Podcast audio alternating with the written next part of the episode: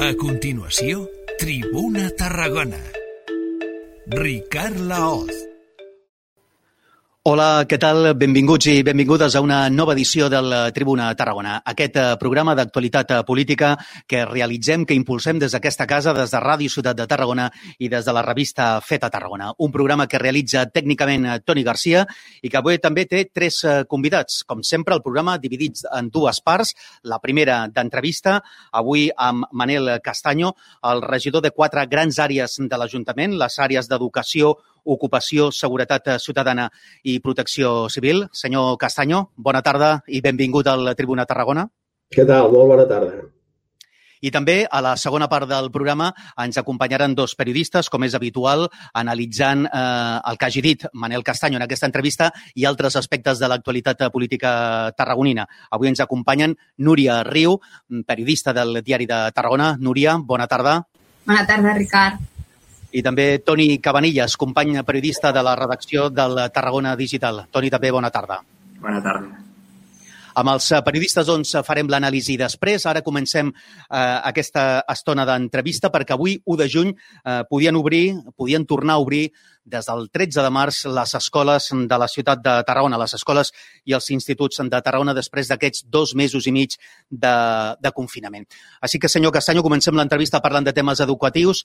Han obert avui tots els centres educatius de, de Tarragona. Com ho han fet?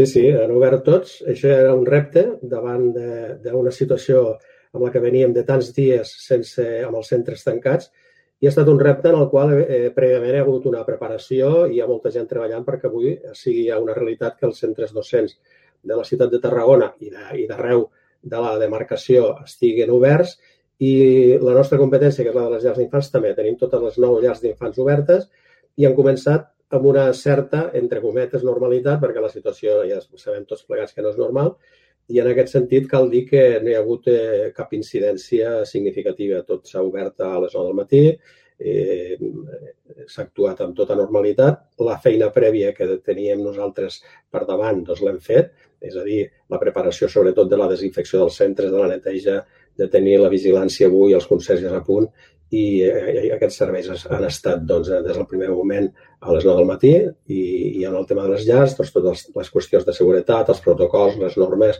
tot a punt. I crec que és un, un pas important eh, que ens apropem poquet a poquet a, a la sensació de normalitat, a la normalitat, i això era un punt doncs, demanat, sobretot per moltes famílies, que ja sabeu que la, la prioritat avui d'obrir les escoles era per per a aquelles famílies, sobretot de les, de, la, de les llars d'infants, en què era molt difícil conciliar la feina amb la, amb, amb la cura dels nens i nenes per qüestions de, de que els dos progenitors, o si és una família monoparental, doncs no tenien possibilitat de, de tenir cura d'aquests nens i, i, i, i evidentment, doncs, les llars i les escoles han estat a disposició d'aquestes, primer, en primer lloc, d'aquestes famílies. No? De, la competència de les escoles i instituts del Departament d'Educació, la part educativa, però em consta perquè hem estat en contacte continu amb el director dels serveis territorials, amb el Gemar Segarra, i, i sabem que s'han organitzat, cada escola té, té un pla eh, concret en funció de la seva eh, identitat, de la seva configuració, de la, de, de la seva especificitat, ja sigui de barri, ja sigui d'alta complexitat o no, doncs tenen una planificació d'atenció als alumnes. Eh, en primer lloc, la primera prioritat era aquests nens i nenes o aquests preadolescents, perquè ho són, de sisè de primària, que són els que canvien de, de cicle doncs, en acabar el curs o de quart d'ESO o els de segon de batxillerat. Aquesta ha estat la prioritat i a banda, a, a partir d'aquí, fer tutories personalitzades amb aquests nens i aquestes famílies que ho sol·liciten sota doncs, demanda. No? I alguns centres, el que, el que, altres centres el que fan és que eh, alguns grups concrets de, de, de cicle mitjà o cicle, o, o, o, o cicle inicial doncs, eh, estan organitzant sessions d'una hora, hora i mitja, i en diferents dies de la setmana o inclús un, un cop a la setmana. Això cada centre ha organitzat en funció de, dels seus propis criteris de, de gestió, doncs han organitzat l'estada a l'escola d'aquí a final de curs. No? Però mm, podem dir que la normalitat ha estat, diguem-li, l'element central de com d'aquest primer dia, que tots estàvem doncs, bueno, amb aquella expectativa de que tot sortís bé, que no hi hagués problemes, de que tot estigués preparat. Entenem que s'ha fet una feina molt important de preparació, tant per, per, per nostre, Ajuntament, en relació al que us comentava, de llars d'infants i allò que ens, que ens, que ens eh, tenim la competència a les escoles, i també per part del Departament d'Educació i els, les direccions de les escoles i els equips docents que estan fent una tasca important. No només de no aturar l'activitat educativa des de que es van tancar les escoles el dia 13 a través de, diguem-ne, de, de l'aprenentatge virtual a través d'internet o les atencions eh, eh, personalitzades a través del telèfon, etc, sinó que avui doncs, és un pas més. Anem cap a aquesta normalitat que tots plegats volem que arribi un dia o altre i que tornem a ser el que érem fa uns 80 dies. No? Té alguna dada sobre assistència eh, en aquestes primeres hores, en aquest primer dia, o alguna previsió? Les escoles han informat a l'Ajuntament, escoles i instituts han informat a l'Ajuntament sobre eh, la previsió d'alumnes, per exemple, que puguin assistir aquests dies, aquesta primera setmana sí. als centres educatius? Les dades que tenim al, al voltant d'un percentatge, que seria molt global, eh? depèn de cada centre, de cada zona, però estem, estem, podríem eh, fixar un percentatge al voltant del 20-25% d'assistència. Ja parla també de les llars d'infants, ha dit que, que sí. com dèiem, competència municipal sí, i també... És una, xifra, eh... és una xifra similar, no? Estem parlant del 20-25%, alguns una mica més, altres menys, però al voltant, si, si haguéssim de donar una xifra global, aquesta seria la xifra que ens aproxima a la realitat, no? Eh, tot això es, es farà amb, amb horari restringit, eh, bàsicament en un horari eh, concret, per exemple, en les llars d'infants eh, només de matí, o també hi haurà servei de menjador. Quines són les previsions per aquestes tres setmanes que queden de curs fins a Sant Joan? Sí, l'horari establert que per les llars d'infants és de 9 a 1. Malgrat això, eh, tenim dos llars d'infants en el qual hi ha menjador, hi ha cuina, perdó, hi ha cuina pròpia en els, en els centres, que és la llar d'infants de, de Sant Pere i Sant Pau i la del César August, que sí que hem ofert també el servei de menjador i, per tant, doncs, l'horari d'assistència i d'atenció als, als infants seria de 9 a eh, 15 de la, de la tarda, de, de 9 a, a, la, a les 3 de la tarda. No?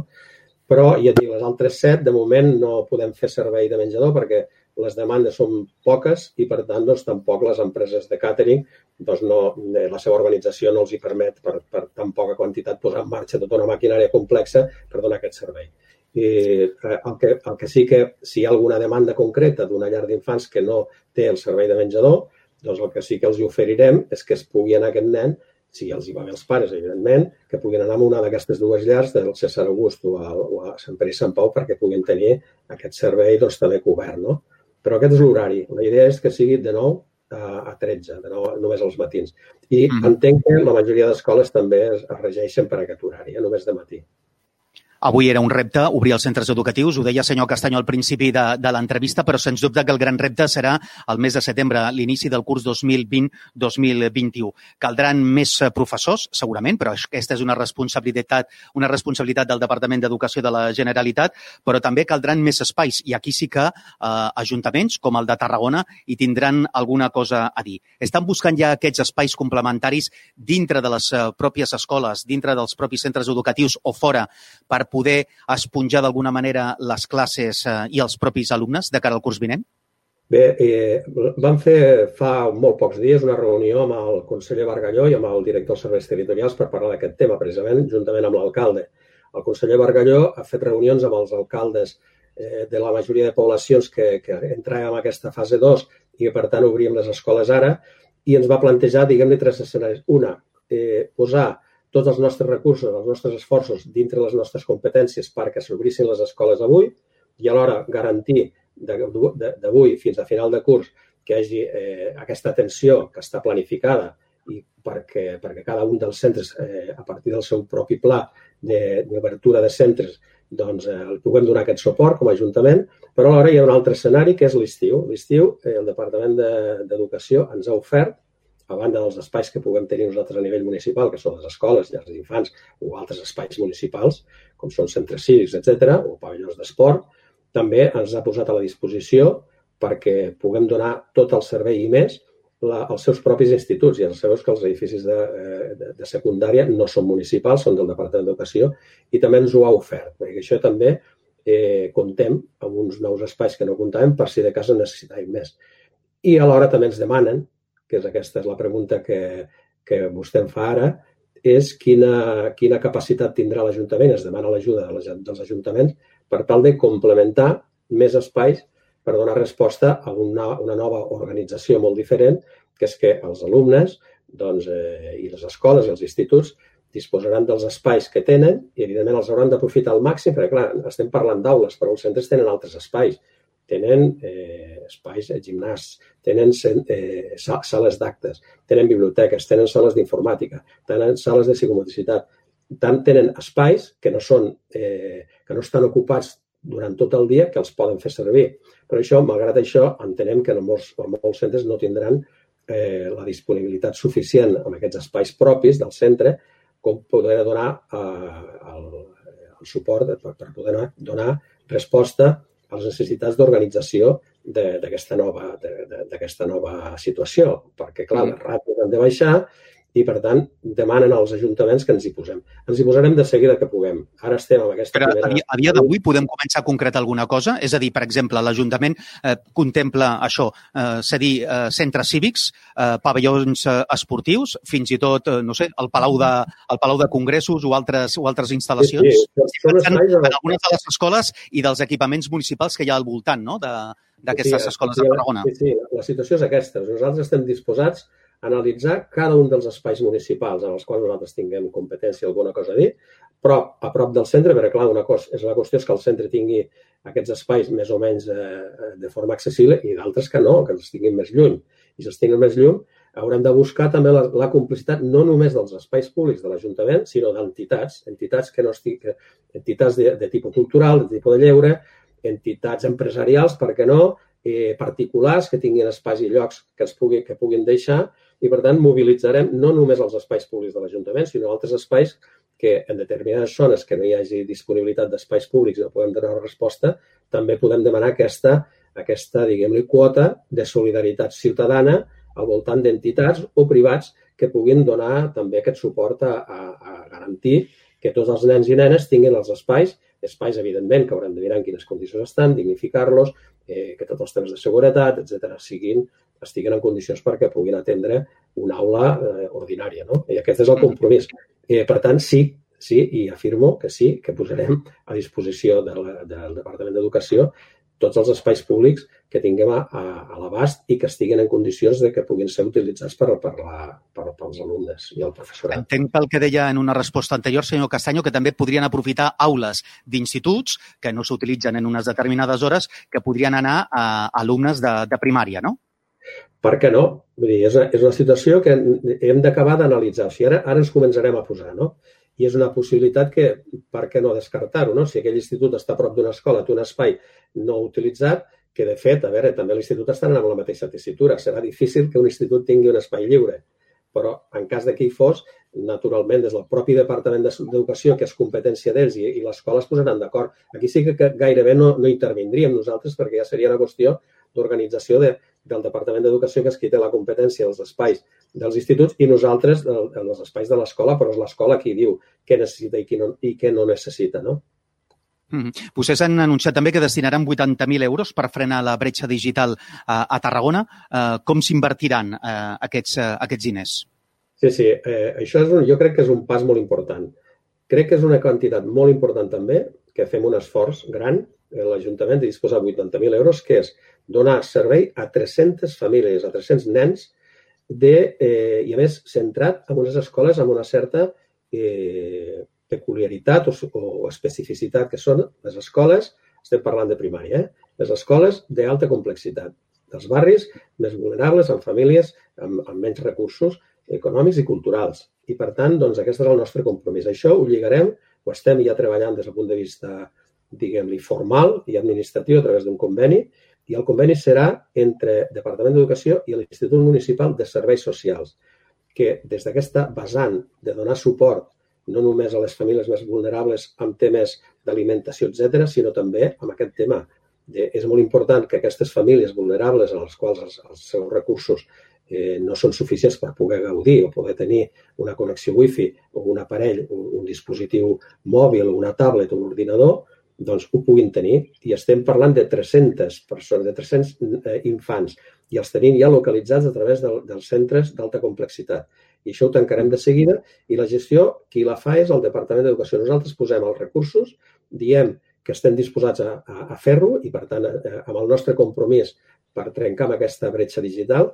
I és el departament que, com que ja ha fet la primera fase de facilitar les famílies d'aquells eh, nens i nenes que estaven al canvi de cicle, de, sobretot de quart d'ESO, de, segon, de, de sisè de primària i de segon de batxillerat, doncs ells ja han fet una, una feina i ja tenen ja una experiència, ja tenen una organització de la logística i de la companyia que els hi fa tota la distribució i, per tant, eh, nosaltres ens afegim a la seva mm, organització, per tant, posem els diners i posem, diguem-li, la responsabilitat i el compromís municipal de que les famílies, totes les famílies, independentment, eh, tinguin o no recursos, puguin tenir i gaudir d'aquest recurs, que és molt important en aquests moments perquè és el que eh, pot generar encara una segregació escolar i una bretxa més important des del punt de vista social i des del punt de vista educatiu. I això ens garanteix que el seguiment que facin les escoles amb aquestes famílies i amb aquests nens i nenes eh, la garantim amb totes les condicions eh, tecnològiques. Això no vol dir que fins aleshores no s'hagi fet. I els centres, a través de telèfons mòbils, a través de eh, trucades dels tutors, a través de dossiers d'en paper, han fet arribar a les famílies. No, estan, no, no, no, han de dir mai que no han estat ateses, han estat ateses. Però és que l'atenció eh, com més, diguem-li, que garanteix encara més aquest seguiment de, i, aquesta, i aquesta, eh, aquestes activitats d'ensenyament i aprenentatge, aquesta metodologia via internet, sigui realment doncs, un, un, sigui, tingui solidesa, necessitem els recursos tecnològics i aquests recursos tecnològics arribaran i arribaran d'aquí molt poc temps. No? Perquè això eh, eh, és, és una acció puntual, però eh, volem que es consolidi que tots els nens o nenes tinguin d'aquest recurs perquè cada cop més la connexió amb l'educació, amb l'escola, a banda de la presencialitat, que és fonamental, i no, no podem dir que l'escola no ho serà presencial, ho ha, de ser, ho ha de ser sempre, malgrat això, cada cop més podem tirar de recursos educatius si els tens a casa i els tens amb internet, que és un reforç, és, és una, un complement a tot allò que es faci a l'aula. Per tant, entenem que tot això és perquè s'hi quedi. I aquesta inversió és un inici, però des de l'Ajuntament voleu que es mantingui aquesta política de que tots els nens i nenes de, de la ciutat de Tarragona tinguin a disposició la connexió i els recursos a internet per poder doncs, seguir amb normalitat eh, qualsevol acció que es pugui fer des del món educatiu, des de l'escola. L'Ajuntament de Tarragona, d'altra banda, ajudarà els casals d'estiu, eh, sigui a través de beques o a través d'alguna aportació eh, directa, tenint en compte precisament la situació i el context de crisi arran de la pandèmia del coronavirus? Sí, amb el tema dels casals d'estiu ja hi estem treballant. També tenim una comissió de tècnics i, i, de, i de responsables polítics, en aquest cas és eh, jo com a, com a, a l'hora que conseller d'Educació, també president de l'Institut Municipal d'Educació, amb la consellera Carla Aguilar i el gerent de l'Institut Municipal de Serveis Socials i amb els seus tècnics estem creat una comissió de casals d'estius, no? d'activitats de lleure de cara a l'estiu. I hem començat a treballar, que ho havíem començat abans del Covid-19, que és perquè eh, les, els casals d'estius, que són competència de l'Ajuntament que, que organitza l'Institut Municipal de Serveis Socials, trenquem amb aquella dinàmica que siguin, mm, que, que siguin assistencials, que volem eh, desestigmatitzar els casals d'estius de l'Ajuntament. Volem que eh, l'oferta que tinguin els nens i les nenes, independentment de en quina situació estiguin, des del punt de vista social i econòmic, puguin gaudir de qualsevol activitat que es faci a la ciutat de Tarragona. I, que, i això què significa? Que, clar, aquest nen ha de portar una motxilla d'una beca perquè pugui anar a qualsevol casal, a qualsevol activitat d'una entitat, eh, de sigui d'esports, de sigui cultural, de sigui de lleure, i que hi pugui anar, no només les que puguem organitzar com a Institut Municipal de Serveis Socials des de l'Ajuntament, sinó que pugui anar a fer altres activitats. Això estem ara fent una activitat, un pilotatge que seria eh, la que faríem aquest estiu, que, que el que estem és demanant la, la complicitat d'entitats, sobretot dels barris, etc, perquè eh, el, el nen o la nena no, o sigui, tingui opcions, opcions d'escollir aquelles activitats a l'oferta, que puguem fer un catàleg d'oferta d'activitats d'estiu, no només casals, sinó d'activitats d'estiu, a la qual pugui fer una mena d'itinerari eh, de lleure i formatiu al llarg de l'estiu. No? Malgrat això, com que és, és, una, és una experiència pilot, també volem que les, els casals que fins aleshores s'anaven organitzant a Tarragona es continuïn organitzant. Eh? Vull dir, no vull dir uh -huh aquesta experiència pilot sigui per uns quants i la resta no. Continuarem igual. Eh? I alhora també a l'IMET, a l'Institut Municipal d'Educació, també estem treballant sobre això, de fer un catàleg de l'oferta d'estiu, de lleure, de, dels casals d'estiu. I anem més enllà. Anem més enllà perquè volem que aquest catàleg sigui durant tot l'any. que quan acabi l'estiu i aquest nen, aquella nena, de qualsevol indret de Tarragona, alhora també pugui doncs, fer-se que eh, eh, pugui tenir un catàleg d'activitats i poder escollir aquelles activitats que vol fer al llarg de l'any, fora de, de hores extraescolars, evidentment. No? Vull dir que estem treballant molt aquest aspecte no? i aquest estiu farem aquest, aquest pilotatge que el centrarem bàsicament amb les activitats eh, educatives i esportives, en col·laboració amb el, amb el patronal, amb el patronat municipal d'esports. No? Mm -hmm. Dues qüestions molt breus de tema educatiu, abans de parlar d'altres eh, temes, altres qüestions que són de la seva competència, i dues respostes breus que li demano. Què sap de les obres de l'Institut Escola Rebassada? Com estan? Eh, quina informació té del Departament d'Educació? Bé, jo, jo, jo eh, l'última conversa que vaig tenir amb el director exteriors, que fa una setmana, crec, eh, sobre aquest tema, eh, no d'altres, va començar que, en principi, eh, el, el, el projecte institut segueix el seu ritme, segueix la seva planificació, i en aquest sentit no hi ha cap canvi. Eh, no, no, no puc donar més informació en relació a aquest Però tema. quan, és, quan estaria a punt? A veure, jo, jo entenc que eh, està clar que s'ha de començar i aquest curs vinent és impossible, evidentment, no? no, no es pot, un institut no es fa un estiu i menys en aquesta situació. A, a, la, la projecció que té el Departament d'Educació és el curs eh, 21-22, i si les coses no van bé, doncs el 22-23. Aquesta és una mica la, la previsió que té el Departament d'Educació. I l última pregunta també breu sobre el tema educatiu. Eh, L'Institut Municipal d'Educació, que vostè ha citat eh, durant l'entrevista, continua sense gerent eh, nou mesos després. Fins quan? Fins d'aquí no res. Això ja ho puc anunciar perquè ja el procés ja es va obrir fa, fa uns mesos, es va quedar aturat pel tema del Covid i doncs ara s'ha tornat a obrir. Hi ha, doncs, hi, ha, eh, hi ha persones candidates que han fet la sol·licitud.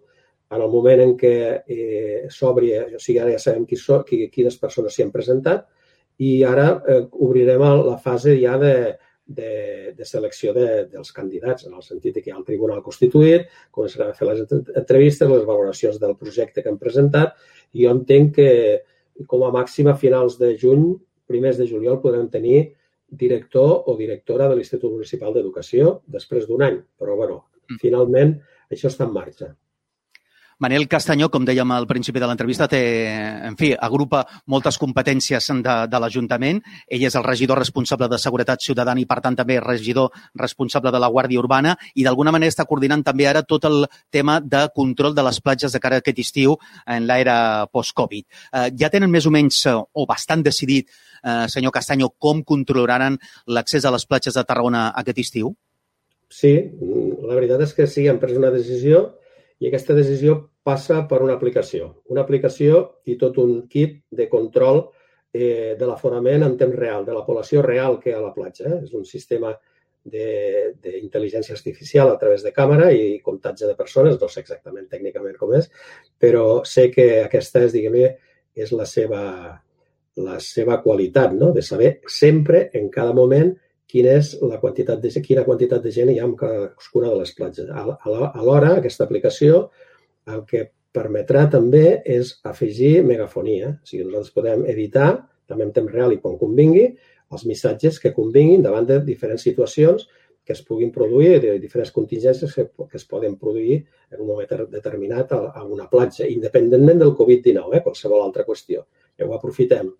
I, I aquest sistema, que és una aplicació, aquesta la, eh, es pot tenir, eh, el ciutadà la tindrà, la podrà, la podrà tenir i en cada moment pot saber quin és l'estat de les platges a través de les senyalitzacions del verd, àmbar i vermell de cada una de les platges de Tarragona. Això els hi permet autoregular-se des de la seva pròpia responsabilitat i, ostres, doncs, si he vist en, la, en aquesta aplicació que la rebassada està en àmbar, doncs no hi vaig, me'n vaig a la Sabinosa que encara veig que hi ha lloc, no? Eh, aquesta és un, un, un abans i un després del control de l'aforament. Eh, si, evidentment, quan, estarà, quan estarà aquesta aplicació? Aquesta quan estarà a punt? Si tot va bé, entenem que a finals de juny ho tindrem a punt. Val? Aquest és el compromís dels serveis tècnics de, de l'àrea de l'Ajuntament, que ja estan treballant, i el tindrem a punt. Ara, mentrestant, el que estem fent és que sí que vam fer un càlcul amb els enginyers de, de la casa, de l'Ajuntament, de quin eren els aforaments de, de les platges de Tarragona des d'un punt de vista del càlcul que feien ells mantenint doncs, aquelles distàncies entre la, la línia d'aigua i la línia de tovalloles i aquella última franja de la platja que la, la sorra crema i la gent no s'hi posa, eh, vam calcular la superfície en metres quadrats que tenen les platges de Tarragona i fixant com a estàndard dos, dos límits, un eh, comptar que, que perquè hi hagi una esponjositat important i per garantir aquesta, aquesta norma dels dos metres de distància entre persones, vam calcular, bueno, una és una, una, eh, una qüestió que ens planteja el propi Estat amb les seves normatives, que és, és, són els 4 metres quadrats per, per persona que hi ha a la platja, i nosaltres creiem que és insuficient, que jo crec que hem de, hauríem de fer una, calcular l'aforament en funció d'una altra variable, un altre indicador, que és entre els 9 i 10 metres quadrats per persona. I oh, això, això és molt, no? Depèn. Si hi ha un grup de persones, posem tovalloles, etc., doncs potser sí que s'ocupen un, un espai de 3 per 3 o de 2 per 2, Clar, 2 per 2 són 4 metres i 3 per 3 són 9. Hi ha molta diferència, però en metres quadrats, o sigui, en metres de costat del quadrat no, no és tant la diferència. No? I a partir d'aquestes dades nosaltres calculem quin és l'aforament que han de tenir les platges per tal de garantir aquesta, aquest distanciament entre les persones. A mm. tall d'exemple. Per exemple, la rebassada, tenint-la en compte la seva superfície, etc., poden, si posem 4 metres quadrats i caben 2.500 persones, amb aquest, eh, garantint aquest espai. Eh? O bé, si posem els 9 metres quadrats o els 10 metres quadrats, estaríem parlant dels 1.500 aproximadament, no? I amb aquestes dues xifres eh, ens mourem, no? I, ho hem vostè, I vostè seria partidari, per exemple, que els socorristes de la Creu Roja poguessin impulsar, eh, imposar sancions a les persones que incompleixin aquesta normativa o només ho hauria de fer la Guàrdia Urbana? Bueno, és que no ho poden fer. No són eh, cap cos d'ordre i eh, Creu Roja no pot denunciar. Pot advertir, pot informar, i pot donar, diguem-li, ho pot comunicar a la Guàrdia Urbana que està veient una situació irregular, una situació doncs, conflictiva i és qui ha d'actuar sempre són els cossos d'ordre, que són Guàrdia Urbana, Mossos d'Esquadra, etc. No? Per tant, no poden denunciar, poden advertir, poden avisar a través de megafonia o en situacions que es troben en què la situació doncs, és fragrant i, i és motiu d'una possible acte per part de la Guàrdia Urbana, avisar a, a la Guàrdia Urbana que sempre estan en contacte. En aquest sentit, sí. sí, sí hauria de ser uh, Faran una, tindran una política dura de sancions amb les persones incíviques que aquest estiu no compleixin aquesta normativa de distanciament físic? Sí, a veure, nosaltres com a principi, ja d'aquest consistori, jo, jo particularment com a conseller de Seguretat, jo soc, soc partidari d'apel·lar a la responsabilitat de la gent. I, i evidentment, quan eh, hi ha una, un, un, una situació fragrant, una situació que evidentment és objecte, perquè ho diu les, les ordenances municipals, perquè ho diu la, la, la legislació que és punible, s'ha de fer. Però sempre, amb aquestes, amb aquestes situacions d'emergència, de Covid-19, sempre hem, hem sigut molt apel·lar a la responsabilitat i, i, i sempre eh, eh, hem primat el tema de l'advertiment, que és pedagògic, que jo crec que té més força moltes vegades que no la sanció ràpida i directa. La sanció l'hem de fer, hem d'aixecar acte i, per tant, les diligències corresponents que fa de la Guàrdia Urbana les, les farà i les continuarà fent. Però sempre amb aquesta política de entendre que eh, és bo sempre doncs, fer aquest primer pas d'advertiment, d'aquesta funció pedagògica, d'aquesta funció de dir, escolteu, això, fixeu que no està bé, no ho podeu fer perquè té unes, unes conseqüències, unes conseqüències per la salut pròpia, per la salut dels demés o per qüestions d'ordre. No? Evidentment, mm. la delinqüència, delinqüència l'acció ha de ser molt, molt, molt activa, no? en aquest sentit. Els delinqüents que els agafes infragantis els hi pots fer una lliçó de pedagogia, no? evidentment. No? Sense, sense acabar el temps eh, del programa, eh, deixem de banda, hem de deixar de banda altres competències seves importants, com el tema del Servei Municipal d'Ocupació o el tema de, de protecció civil. La veritat és que Manel Castanyo és el vuitè tinent d'alcalde de l'Ajuntament de Tarragona amb moltes competències. Per acabar, senyor Castanyo, si veu així, quatre anys assumint totes aquestes competències o li agradaria tenir més companys a l'equip de govern? Bueno, tenim tres, eh? un ja l'hem fet ja. Són tres anys els que es queden. Jo, sí, de fet... Eh, això és veritat, eh, però, sí. però encara li queden tres. Home, tant de bo poguéssim incorporar més gent al govern, perquè som un govern doncs, eh, amb poca gent, però bé, això són qüestions que, que no puc posar damunt de la taula perquè significa doncs, eh, eh, posicionar-me no? en aquest sentit. El que sí que ens agradaria, doncs sí, és cert, eh, tenir doncs, més gent al govern, però si no la tenim, jo crec que en un any ja ens hem foguejat suficient perquè puguem doncs, eh, tenir ja l'experiència, i, i tot el bagatge que doncs, tot un any ens ha donat per poder doncs, continuar amb la nostra feina, malgrat tinguem la majoria de nosaltres, que no sóc l'únic, tenir moltes competències i competències importants. No? I jo crec que eh, el, que el que sí que he après, i he après ràpidament, és que eh, tenim molt bons equips a l'Ajuntament. I quan dic els equips que formen part de cada una de les conselleries, tenim funcionaris que, evidentment, sense ells no, no faríem absolutament res i això ens ajuda i ens emperona a que nosaltres continuem treballant perquè sabem que al darrere tenim la seguretat de que aquelles decisions que prenem des del punt de vista polític tenen el recolzament des de la visió i la informació tècnica que ens dona aquesta seguretat a l'hora de prendre decisions. No? Manel Castanyo, moltes gràcies per atendre la invitació del Tribuna Tarragona i en una altra entrevista parlarem d'això, d'ocupació i de protecció civil i d'altres competències que té en les seves àrees. Gràcies per participar en el programa i fins la propera. Molt bé, gràcies a vosaltres. Bona tarda. Gràcies a Manel Castanyo. Fins aquí la primera part del Tribuna Tarragona. Ara, de seguida, saludem els dos companys periodistes, la Núria Riu, del Diari de Tarragona, i el Toni Cabanillas, del Tarragona Digital.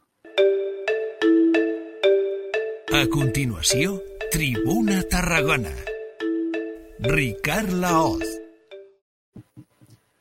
Núria Riu, del Diari de Tarragona, bona tarda de nou. Hola, Ricard.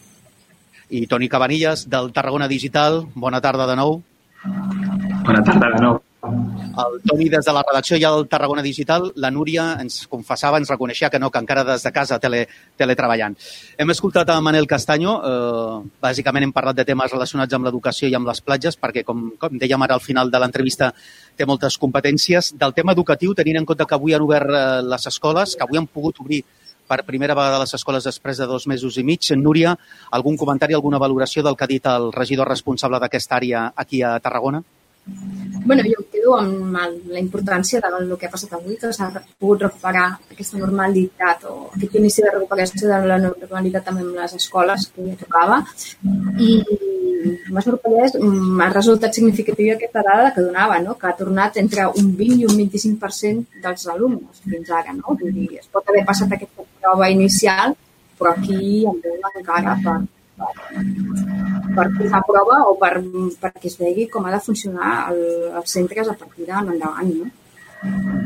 Toni, una primera impressió? Similar a la de la Núria. Jo em quedo sobretot amb la, amb la distància que posava Manel Castanyo quan deia que l'escola és presencial i serà presencial. I ha passat un terratrèmol i l'objectiu és tornar a agafar el ritme. Crec que la distància que, que posava Castanyo és, és del més significatiu. Com us imagineu el curs vinent? Ja sé que, en fi, cap de nosaltres tres és evidentment tècnic en, en matèries educatives, però clar, eh, una mica superat aquest repte d'obrir avui, aquestes tres setmanes fins a, fins a Sant Joan, que és eh, d'alguna manera doncs, intentar que alguns alumnes es puguin veure, tinguin aquest eh, contacte presencial amb altres companys i professors. Ara el gran repte, sens dubte, i ho reconeixia, en fi, ho reconeixen totes les autoritats educatives, és el proper, el proper curs. A nivell de Tarragona, per exemple, i buscant nous espais, eh, com, com us imagineu, Núria, aquesta, eh, aquest esponjament dels centres educatius amb més espais fins i tot fora de les escoles? Bueno, jo penso que és una oportunitat a, a nivell dels centres de la ciutat.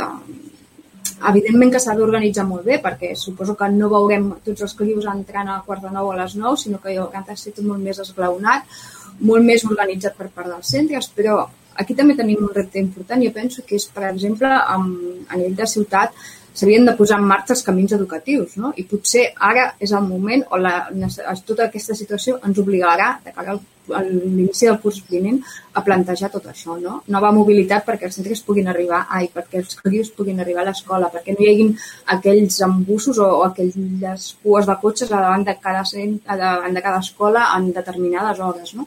Llavors, jo veig que tot això s'hauria de fer molt més amable, no? L'escola, l'entrada progressiva, la utilització d'espais, i aquí no podem està ben plantejat el sentit aquest de que si un, al voltant d'una escola hi ha un local que és d'una entitat, d'un particular, el que, del que sigui, aquí tothom ha de ser, cedir i ser generós. Toni? Sí, eh, estic d'acord i sobretot és una oportunitat d'anar a una, de vincular els centres educatius amb el plat de ciutat, amb el teixit de la era un centre, una escola dintre del funcionament de, del present de la ciutat, perquè l'escola és la ciutat de demà. I és una oportunitat bona i si s'és capaç d'extreure lliçons i de vincular i crear una ciutat més cohesionada, com deia la Núria també, amb una mobilitat amable, Tarragona té una oportunitat de crear nous camins i nous vincles que fins ara doncs, no es contemplava. Uh -huh. I cre creieu que, que aprofitarem aquesta oportunitat? Perquè jo crec que aquest és un tema que està sorgint ja, ja molt aquests, eh, aquests dies no? últims, de, en què estem en un cert desconfinament. Es parla molt de moltes oportunitats en moltes coses, no? Eh, en la societat en general, i, i si ho apliquem a Tarragona, doncs tenim eh, això, moltes oportunitats eh, en molts àmbits, de repensar d'alguna manera Tarragona. Creieu que n'aprendrem aquesta, en aquesta ocasió, Núria? Confio que alguna cosa en positiu ens ha de tocar tot plegat, no? Està clar que la crisi del 2008 tots n'esperàvem moltes altres coses i no es va... No, vam retornar a molts vells tics i ara tornem a plantejar-nos el mateix, no? Què n'aprendrem? Què ens quedarà de tot això? Home, doncs sí, ha de quedar i, i, i ens ha de servir per replantejar moltes coses i en aquest sentit jo penso que la proximitat, la mobilitat. Eh, les ciutats tenen molt a dir-hi. S'ha vist com la part important d'aquesta crisi se l'emportaven els alcaldes, els ajuntaments, i han de tenir molt més pes per poder decidir i, i poder implementar coses que realment ens portin a un altre disseny de les ciutats. Toni, tu hi confies? Que confio. M'agradaria confiar-hi més del que confio, sincerament. No, és el que diem, és una pluja d'oportunitats i n'hi ha moltes, veurem quantes n'aprofitem. Tenim tendència a no aprofitar-les. Potser venim de, de la crisi que venim de, del 2008, com deia la Núria, que molts ens va agafar de petits. Potser sí que partim amb una mentalitat diferent. Potser sí que l'actitud és més de distància i més prudent i això ens ajuda. Som conscients que l'escenari és molt obert i com com dèieu, i estic totalment d'acord, la, la pilota està a la taulada dels alcaldes. I el món local és el moment on pot treure múscul i, i demostrar que, que té molt més a dir-hi del que fins ara deien. En el cas de Tarragona, esclar.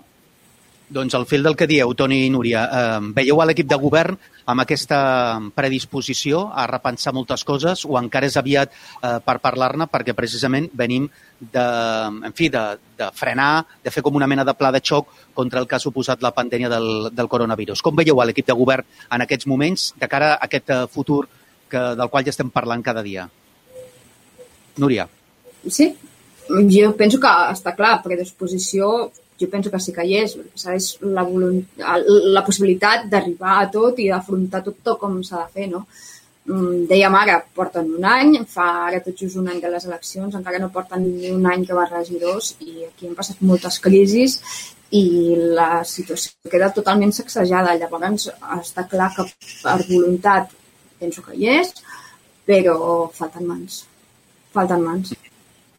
Deia Núria Manel Castanyo que s'han foguejat molt en aquest primer any de, de govern. I coincideixes? És a dir, que gairebé podríem dir, mig en broma, mig en sèrio, que, que en un any han après el que altres regidors eh, haurien après eh, en, en ocasions anteriors en, en tot un mandat. Home, està clar que en 12 mesos hem vist i ha passat absolutament de tot, no? I que han tingut de reaccionar a, en el moment, no? De, de dir, coses que ho han trastocat. Està clar, no sé, màster en gestió de crisi fins a quin punt podem fer-ne una línia de tot plegat, no? Però mm, faria falta una mica de tranquil·litat i ara mateix no sé quan la podem trobar o, fin, o quan arribarà la normalitat. Mm -hmm. Toni, com veus l'equip de govern? Portet de mans, vull dir, són nou persones, ho hem dit des del primer dia. Sí que és veritat que tot això ha arribat en un punt on, on, ha de, on l'equip de govern havia de marcar múscul. Porta un any foguejat, com diem, i de quina manera foguejat, i ara és el moment on començaven amb els seus primers pressupostos a marcar el seu model de ciutat i agafar la iniciativa. I ara li ha agafat un full en blanc i és el moment de, de tornar a començar. Ara és quan realment es veurà la capacitat de cintura del govern i nou persones són molt poques per gestionar una ciutat com Tarragona Ara bé, mm, ho pensava quan veia el Manel i ho acostumo a pensar quan a la resta de, de regidors. No és que estiguin eh, per la mà de repensar, sinó que han vingut a repensar. És el, amb això van, van arribar al govern, amb una mentalitat de repensar Tarragona, de tornar a començar i de tornar a fer. Mm, tenen ganes de repensar i es veia quan el Manel deia per què no, que crec que és una de les grans frases que ha deixat. És amb aquesta mentalitat del per què no, de repensar i de, i d'intentar marcar perfil propi després de, de 12 anys de, del mateix perfil del, del Partit Socialista. Realment tenen una prova de foc molt complicada, però si la superen, doncs els que dèiem que nou mans són poques, doncs, doncs haurem de, de callar. Tenen l'oportunitat de demostrar si realment tenien ells raó i nou mans eren, nou persones eren suficients. Però tu creus, Toni, per exemple, que hi haurà més mans, eh, que s'hi afegiran mans eh, en el proper curs escolar? Ja que parlem de, de cursos escolars, en el proper curs polític, eh, veus més mans en aquest equip de govern?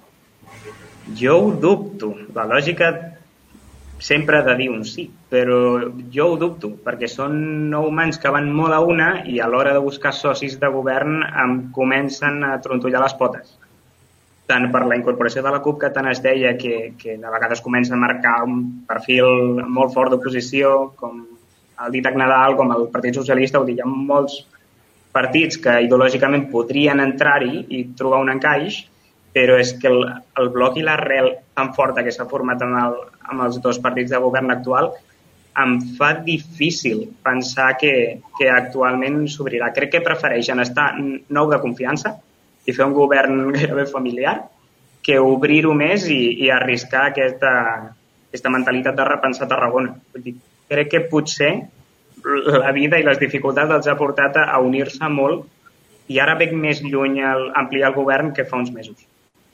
Núria, tu com ho veus? Hi haurà més mans o no? No, estic amb el Toni. A l'igual sí? m'haguessis preguntat potser fa un mes o no sé quan, si veia entrar en altres partits tal com havia mencionat, o Junts, la CUP jo sempre ho he vist més difícil, o una aliança fins i tot amb el PSC, i ara mateix no veig que hi pugui haver um, aliances més enllà de qüestions estratègiques o de projectes puntuals, el que sigui, però incorporar qualsevol d'aquests dos partits o tres, jo no ho veig. Seguiran aquests nou, hi ha, hi ha un govern cohesionat i possiblement pues, uh, bueno, se seguiran arremangant, no? però no, no veig ara mateix que pugui entrar qualsevol de les tres formacions. Mm -hmm. Ja que hem derivat en qüestions polítiques, aquesta estona d'anàlisi i, de, tertúlia, eh, comentem una mica eh, una de les notícies, sens dubte, de, de la setmana, el tema del cas Inipro, l'obertura de judici amb eh, implicats tan destacats com Josep Félix Ballesteros, l'exalcalde, o Begoña Floria, exregidora durant 12 anys eh, a l'Ajuntament, exregidora a l'equip de govern, continuen sent regidors tant un com l'altre eh, ara mateix al Saló de, de Plens. Núria, com, com valores aquest fet, eh, que fins i tot ha coincidit amb un altre eh, en fi, no sé si fet aposta, que ha estat l'anunci de l'equip de govern actual d'Esquerra i dels Comuns de desmuntar el jardí vertical de la Tabacalera, un dels símbols, podríem dir, eh, emblemàtics de l'era de, de Ballesteros a l'alcaldia. Com has vist aquests últims esdeveniments entorn al PSC?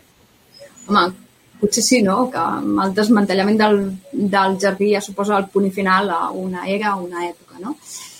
I, bueno, mm, haurem d'esperar, el procés encara és llarg, Mm, aquí es tardarà temps a veure, per saber realment què ha passat, no? però està clar que no beneficia qualsevol aliança que es pugui establir. Per exemple, quan jo pensava en pactes i hagués dit potser fa unes setmanes, uns mesos, hagués pogut veure una aliança que es podien acostar PSC amb l'equip de govern, doncs ara mateix jo penso que això és un, un fet que, que ho impossibiliti, almenys fins que no, ja s'hagi produït aquest judici, sempre i quan continuïn al, al capdavant aquestes dues persones, no? que serien l'exalcalde i la Lluny Floria. No? Llavors, pues, haurem d'esperar. Uh, sembla ser que potser uh, bueno, um, s'ha de provar què va passar allà dintre i, i, i tenir paciència, no? Però precisament a, a mi el tema Unipro és el que m'ha fet pensar de dir jo no veig PSC i equip de govern, o el PSC entra a governar ara mateix. Mm -hmm. Toni, tu que em sembla que també has fet un article d'opinió, un bitllet d'opinió sobre aquesta, aquesta qüestió, què ens, què ens expliques, què ens dius, com ho valores? Igual que la Núria, jo avui treia el bitllet d'opinió al, al digital i precisament deia això, que per mi és un canvi d'era i és un canvi de paradigma total, no pel que passi al judici, que soc persona de, de lleis i això el temps dirà, sinó perquè la imatge de, de l'alcalde, que no només ho era, sinó que també ho aparentava, i la imatge forta, sòlida de Josep, de Josep Fèlix Ballesteros de sobte amb mínimes d'haver eh, fràgil de final d'era. Eh, jo parlava a l'article de l'aura daurada que jo sempre havia atribuït a, a Ballesteros, que tenia estrella i de sobte ja no, i ara és fràgil. I ara eh, no té la paella pel mànec. I ara per mi ha canviat això. Vull dir, aquesta imatge i aquesta aparença de, de fortalesa i de, i de plena consciència i d'estar amb els dos peus al centre del taulell, ara no, ara queda fora de joc, ara queda perdut i ara la, la reputació i sobretot la imatge i la mirada llarga al llegat que quedarà del mandat de Ballesteros s'atribuirà més a aquesta sensació actual d'ombres que, a les, que a les llums de molts altres moments del, del mandat. Per mi el canvi d'era és, és aquest, que no només ha deixat de ser alcalde, sinó que ha deixat de parentar I per mi el punt d'inflexió potser sí que ha sigut aquesta, aquesta setmana. Més que no pas quan va perdre l'alcaldia, per exemple, on va estar a punt de, de ser alcalde. Ara mateix no és que hagi perdut, sinó que directament passa a segon pla. Per mi el canvi és aquí. Acabo, companys, eh, aquesta estona amb un to una mica més distès i aprofitant un altre cop l'entrevista amb Manel Castanyo parlant de les platges. Com us hi veieu a les platges eh, aquest estiu? No sé si us agrada o no anar gaire, però això de mantenir les distàncies entre els 4 metres que diu el butlletí oficial de l'Estat i els 10 metres, 8-10 metres que parlava Manel Castanyo, eh, com, com veieu les platges de Tarragona aquest estiu, Núria? Hi haurà problemes? Eh, la gent ho acceptarà eh, plenament? En fi, quina, quina, jo, què, què diu? Que si comencem a pensar en metros, sis amb la línia de la costa, dos amb els del costat, tot plegat assusta i agòbia una mica, no? Però més enllà d'això, perquè jo hi vaig anar aquest cap de setmana, mm, tenia ganes de, més que de platja, de caminar per allí, i la imatge que jo vaig veure va ser realment esperançadora, no? en el sentit que el, cadascú amb el seu grupet, mantenint les distàncies, s'ha de dir també que un cap de setmana en què el temps bueno, tampoc no acompanyava molt i que ara mateix tenim el privilegi o la gran sort que les platges de Tarragona són per la gent de Tarragona, que no, encara no hi ha ni turistes ni segurament molta mobilitat amb la resta de municipis de l'entorn. No? Llavors, eh, ara és controlable, faltarà veure quan hi hagi eh, més gent, si hi ha la possibilitat d'aquesta massificació, aglomeracions, i llavors sí que es pot posar en risc, però si les imatges són com les d'aquest cap de setmana, pues, benvinguda a aquesta nova normalitat també. Intentem ser positius. I tu, Toni, com ho veus? Doncs ens haurem d'adaptar, què hem de fer?